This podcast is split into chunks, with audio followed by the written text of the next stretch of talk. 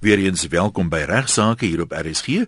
Die program word moontlik gemaak deur die Prokureursorde van Suid-Afrika en soos gewoonlik aangebied deur Ignas Kleinsmid van van Velden Duffy Prokureurs. Ignas nou te beskeie om dit te sê, maar ek gaan dit sommer gou sê. Sy boek, wat sê die prokureur Regsake wat jou raak? Is nou in sy derde druk. Hoopelik is daar nog voorraad by die winkels want hy baie vinnig uitverkoop die eerste twee drukke, maar as hy nie is nie sê hy moet hom vir jou bestel word uitgegee deur Naledi Uitgewers saam met RSG en as hy ook 'n direkte nommer wie jy kan skakel vir bestellings as jy nie naby 'n boekwinkel is nie en dis 083 409 6751. Ek nou wat is op ons agenda vandag? Ek wil eers net 'n bietjie gesels oor die maklike en eenvoudige boedel en ek het 'n briefie gekry van 'n leseres Ion met die mooi naam van Zahida Zahat. Terwyl ek dan dink aan Zahida Zahat, ek gaan uh, oor 'n week of twee wil ek graag bietjie oor moslim huwelike ook weer gesels. Daar's baie Hierdie klink soos 'n model se naam amper. Weet daai eksotiese ja, ja, naam. Ja, Zahida Zahat. Sy sê haar moeder is 3 maande terug oorlede en haar pa 3 weke terug oorlede. Uh sy sê sy het 'n boek gekoop en alles gelees oor boedels.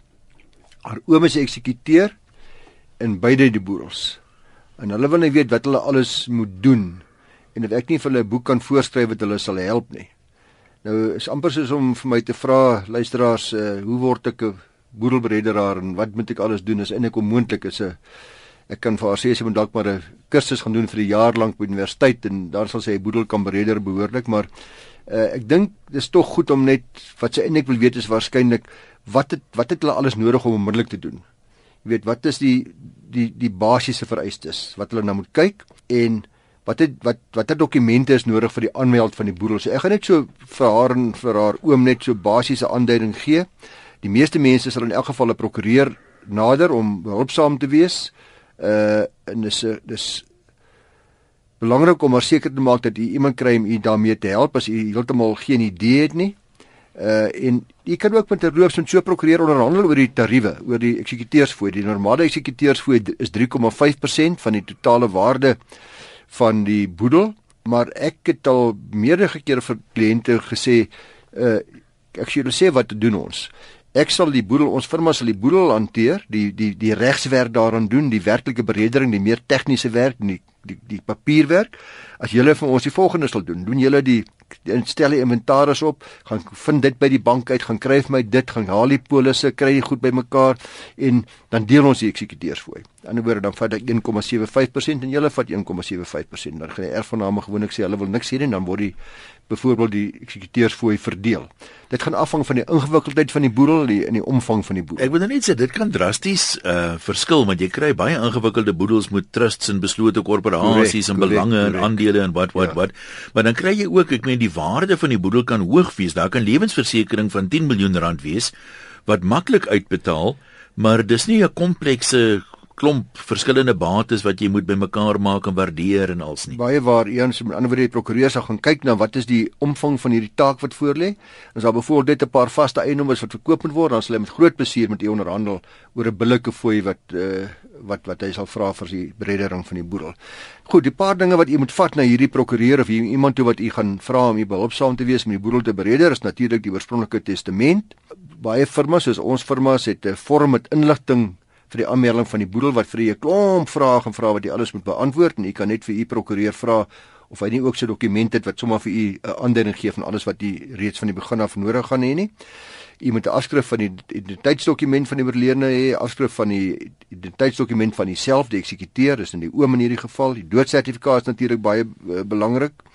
Dan die kennisgewing van die register van van sterftes, dit is 'n vorm ek gaan net vir die nommer gee. Dis 'n vorm wat ingevul moet word gewoonlik by die begrafnisondernemer om hierdie doodsertifikaat te verkry. Jy moet daai vorm ook maar saamvat.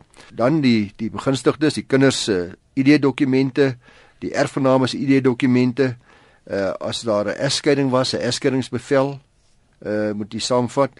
Die as die as die gade vooroorlede was, belangrik, dit moet met ons die sterfte sertifikaat van die moeder as die, in hierdie geval is daar is in ons luisteraars se geval is sy pa en ma saam oorlede, so hulle moet albei saamvat vir die eksekuteur.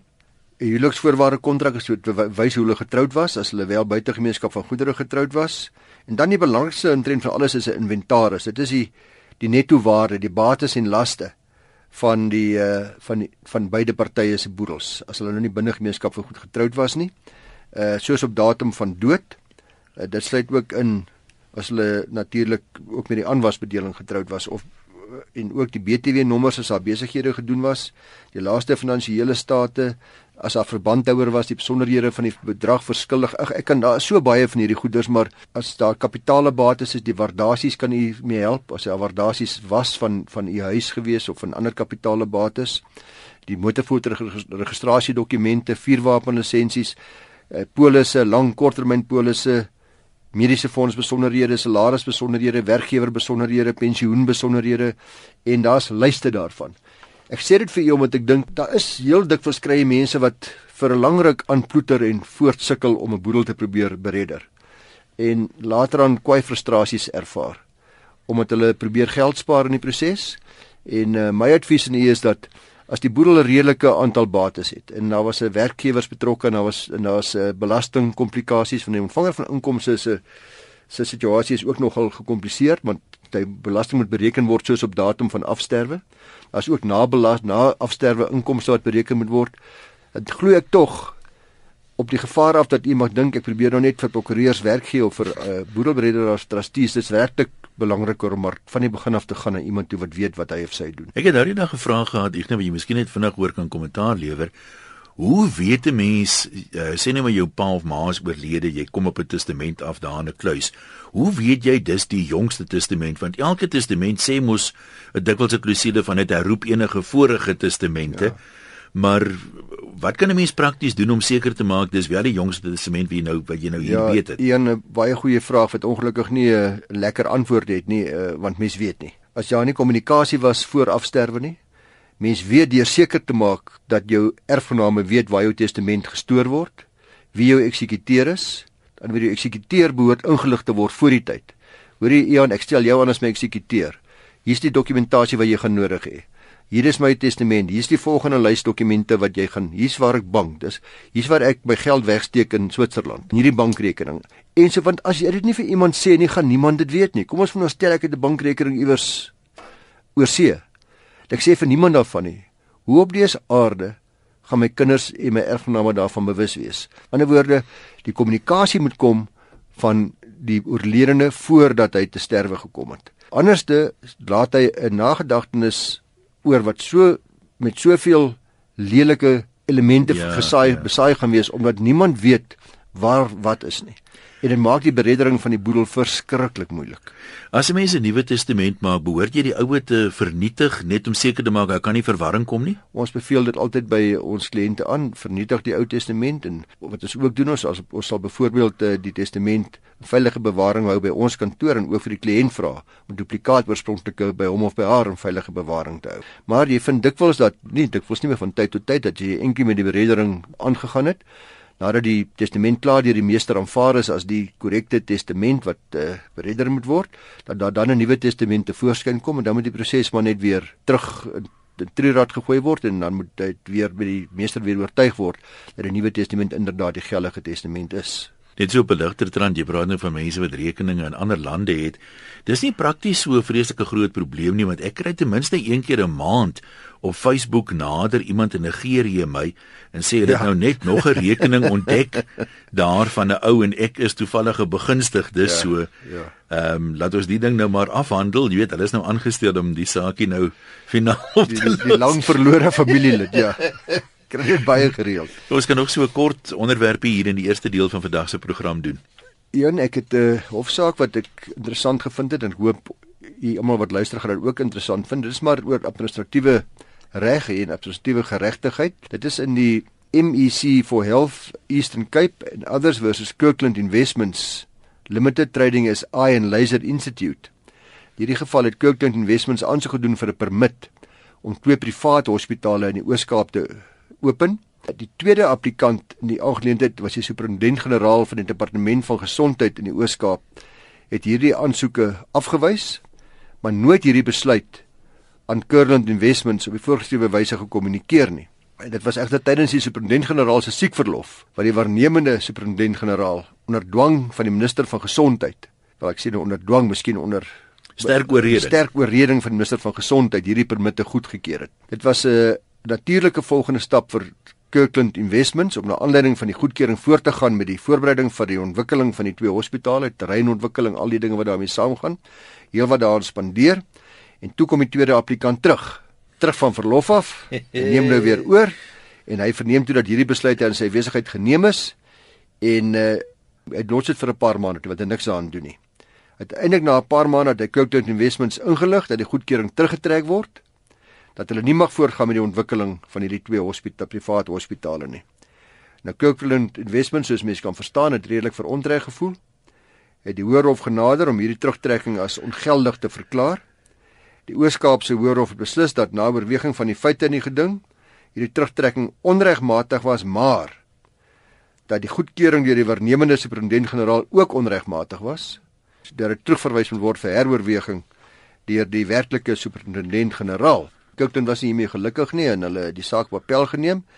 En die Hoogste Hof van Appel luisteraars beslis dat alhoewel die goedkeuring onregmatig was deur die waarnemende ou, was die vraag nie vir die hof om te heroorweeg nie. Dit was nie dit was nie die, dit is nie vir die hof gewees of dit onregmatig was nie. Dis uh al wat vir die hof was is of die uh, terugtrekking onregmatig was van die goedkeuring. Die applikante het die saak uh, verder gevat en die aansoek by die konstitusionele hof uh, geloods en daar is toe 'n meerderheidsbeslissing gemaak. Aan die ander woorde nie 'n eenparige beslissing nie en gesê dat al neem 'n staatsorgane besluit wat onregmatig is, soos in hierdie geval, mag die staat nie uitgesluit word wat betref die gevolg van die reg, die volg van die regte stappe en prosesse nie. Sê al is die besluit onregmatig, moet die staat net soos ander mense net soos ander mense nog steeds die regte stappe in proses neem om daai onregmatige besluit tersyde te stel. Die staat moes die hof genader het om 'n hofbevel te bekom om die onregmatige permit te laat kanselleer en dan sou die hof gesê het ja goed is onregmatig al dan nie. Die staat kan dus nie reg in eie hande neem nie en dis die mooi deel van hierdie hofsaak. Die staat mag nie toegelaat word om kort paadjies te vat nie. En uh in terme van hierdie saak moes die staat die regte hersieningsprosedure gevolg het vir 'n administratiewe proses wat nie korrek gevolg was nie en 'n bevel verkry het wat die besluit onregmatig verklaar het So die hof sê 'n onregmatige administratiewe besluit, soos in hierdie geval wel was, bly van krag en is geldig wat almal betref totdat dit deur die regte prosedure afgewys word.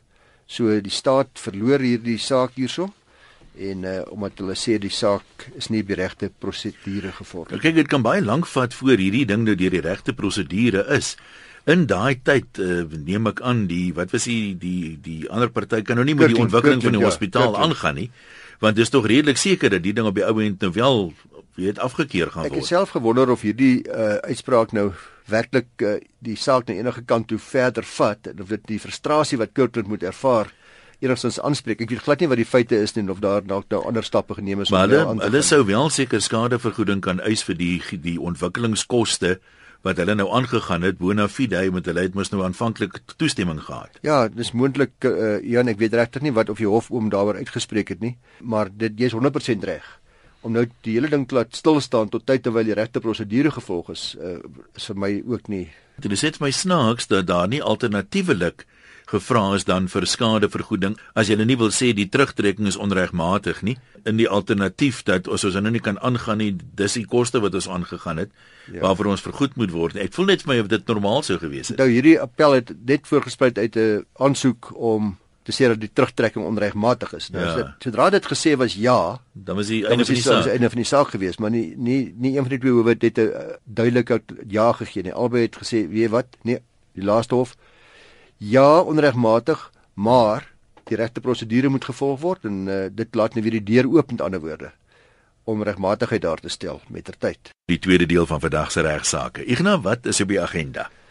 Ek het 'n briefie gekry van uh, Dan Weber, die Braier. Weber, ja, die Braier. Hy sê dit gaan oor Griekwas stad se moordsaak. Hy sê die totale tronkstraf wat in die Griekwas stad moordsaak opgelê is was 76 jaar maar die hof bevind ook dat dit te gelyk uitgedeel moet word. Dit beteken dat 20 jaar tronkstraf gereduseer is. Dit beteken effektief so wat 10 jaar tronkstraf wanneer parol intree. Waarom so min? Ek het hierdie briefie toe aangestuur vir uh Llewellyn Kerloos wat al bietjie oor die, die strafreg hieroor by ons gepraat het by mediese geleentheid, omdat ek glad nie 'n kenner is nie, luisteraars. En ek het vir hom gesê jy vir ons luisteraars se antwoord en hy kom uh, terug en hy sê ja, ek verstaan die uh, probleem of die navraag. Uh dit klink dalk onbillik indien na die erns van die misdade in isolasie gekyk word, maar sê hy weens die jeugtigheid van die beskuldigde is ouderdom baie baie strafversagtend en dit moet ons altyd in aanmerking neem. So wat Llewellyn sê, uh 76 jaar in totaal 20 jaar gereduseer daarna toe gesamentlik uitloop en uh hy sê dit hy dink dis saaklik maar as gevolg van jeugtigheid wat 'n erg strafversagtende omstandigheid daarstel. Kan ek iets anders daaroor vra? Daar's gevalle kom ons sê bestuur 'n bus Jy's nalatig, ongeluk, as 10 passasiers dood. Nou staan jy reg op 10 aanklagte van strafbare manslag. So dit maak vir my sin dit dit spruit voort in een handeling dat Correct. die vonnisse nou sal saamloop. Ja. Uh, maar daar's tog 'n verskil tussen sê net maar hierse vertrek vol mense, jy gooi 'n handgranaat daarin, vyf ouens is dood as gevolg van een handeling of jy stap daarin en jy skiet afsonderlik vyf ouens dood. Dit voel vir my dis 'n verskillende opset elke slag wat tog vir my en my kop die kanse moet minder maak dat die fondse sal saamloop of spekuleer ek net nee, sommer. Jy's 100% reg, die gelykloopendheid is gewoonlik gepaard daarmee dat dit dit een voorval uit voorgespruit het. Nou dit laat my bietjie wonder oor die Griekwa stad kwessie want dit voel tog vir my volgens die getuienis asof daar verskillende handelinge was of dit nie of dit daar ruimte was behalwe dan in die jeugdigheid dat dit ja. nie moet saamloop nie. Ja, Llewellyn sê hy dink dis met die jeugdigheid so as, die as hy sê net maar 30 35 was sou dit dalk nie saamgeloop het nie. Maar straf is 'n baie moeilike ding. Miskien moet ek uh, dalk een program wy oor 'n paar weke eon net aan straf en die redes hoekom straf op sekere wyse toegepas word en al die die doelstelling van straf en en wat daardeur bereik word en wanneer dit in woede daardeur bereik word. Dit sal gaaf wees ja. want die ander ding wat my altyd opgeval het as as staatsaanklaer. Nou as jy byvoorbeeld uh, op 'n dorp drie howe wat sit. Dis baie baie algemeen op elke dorp dat mense sê Landros A sal hierdie oue ruimtermyn tronkstraf gee, ja. maar Landros B sal hom baie makliker opgeskorte vonnis gee wie keuse van 'n boete. Uh dis dieselfde reg wat toegepas word, maar dis mense, jy weet so Precies. elke ou is 'n bietjie meer simpatiek, 'n bietjie meer strafswaarde. Daar is beduidende verskille vir misdade wat baie dieselfde is. Nou ek verstaan dat as winkeldiefstal byvoorbeeld 'n probleem is op dorp A, dat die landdros dan ter afskrikking 'n hoër vonnis daarvoor gaan oplê as op dorp B waar dit nie 'n probleem is nie. Maar dit sou eintlik gaaf gewees het as daar meer konsekwentheid kon gewees het, maar dis moeilik. Dis so moeilik want die balansering tussen byvoorbeeld jy nou genoem met afskrikking, vergelding, rehabilitasie, die toekoms van die slagoffers en die toekoms van die beskuldigde en watter wat wat in hulle belang sou wees, in die gemeenskapsbelang. Daar's soveel faktore wat 'n rol speel. Dan is dit so dat daar is tog altyd maar 'n bietjie subjektiwiteit by die by die regspreker ook. Ons kan nie daarvan wegkom nie. 'n uh, Baie ander eenvoudige voorbeeld, die gevolge van 'n misdaad. Dis daar's 'n reuse verskil wanneer ek in die pad afry en na op my horlosie kyk of my selfoon kyk en ek ry jou drie hondjies dood waarvoor jy baie lief is of ek ry jou drie kinders dood waarvoor jy ook baie lief is. Ek het presies dieselfde fout gemaak. Baie waar. Enigste verskil is die gevolge van die misdaad was drie hondjies in 'n geval of ek het net jou tas raak gery of wat ek nog al. In 'n ander geval was dit drie menselewens wat ek geneem het. My fout was identies. Daar's nie 'n verskil nie. En dit maak dit baie moeilik. Nou is die versoeking baie groot om te sê omdat drie mense dood is, moet ek nou baie swaarder gestraf word as wat ek gestraf sou word omdat ek drie hondjies raak gery het. Is dit billik? Ons kan 'n bietjie daaroor praat by 'n volgende geleentheid. Vat net maar daai selfde voorbeeld. Kom ons bly nou maar by die kinders vir die oomblik. Jy maak presies dieselfde fout, maar met die genade van bo is die ambulans daar en die kind gaan draai in die hospitaal my herstel of die ambulans is nie beskikbaar nie en hy bloei dood op die toneel. Ek meen dis nie ja, deur jou toede dat hy dood is of lewe nie. Jy het ja. dieselfde fout gemaak.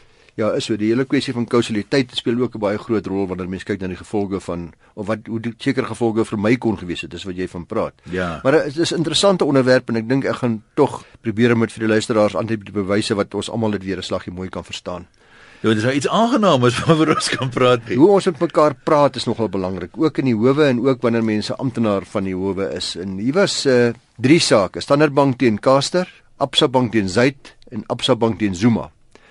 En op 4 Junie 2014 het 'n regter Magoka uitspraak gelewer in hierdie drie verskillende aansoeke. En sy uitspraak het egter nie gehandel oor die aansoeke self nie, maar oor die wyse, die inhoud van die Baljuise relasie. En hy het so 'n bietjie keel skoon gemaak en bors skoon gemaak en ges, volgende daaroor gesê. In die saak van Standard Bank versus Caster het die Baljurulaas aangedui dat betekenne uitgevoer is as volg: deur die dokument op en ek haal aan Bongiwe, 'n domestic helper te beteken. Die ander relaas in dieselfde saak het net na Bongiwe verwys as ontvanger van die dokument en in Absa Bank versus Marshman en in another was die dokument ingevolge die relaas as volg beteken op die the domestic faith. Dan die domestic faith is haar naam. Terwyl die relaas in die saak van Absa Bank versus Zuma en another slegs weer verwys het na beteken op Elisa Eliza, the domestic worker. In die Baljuse laaste was daar geen melding gemaak van die ontvanger se huwelikstatus of hulle vanne nie. Was net voorname genoem. Is die huwelikstatus enigstens belangrik?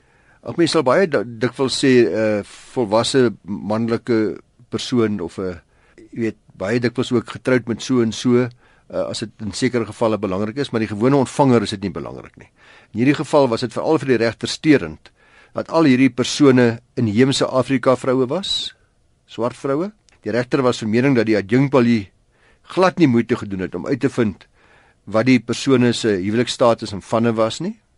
Aan die woorde is hy mevrou so of so of is hy my juffrou so of so nie. Dis ja. waar die huwelikstatus nou vandaan kom, die die respek wat daardie Ja, dis baie maklik om te sê spel vir my die vanne. Ja, dis nie belangrik nie, maar dit gaan oor respek hierso. En hy sê dat uh uit verkies om te ignoreer verdoelenis van die relaas, hoe dit ook al sê die handeling deur die Bolivia in hierdie geval sê die hof was onwaardig, vernederend teenoor hierdie mense en duidelik teenstrydig met artikel 10 van ons land se grondwet wat die volgende sê: Elkeen het die reg op ingebore waardigheid en respek en dat daardie waardigheid gerespekteer en beskerm word. Dat die regter noem dat ons 'n nasie uit 'n pynlike verlede is.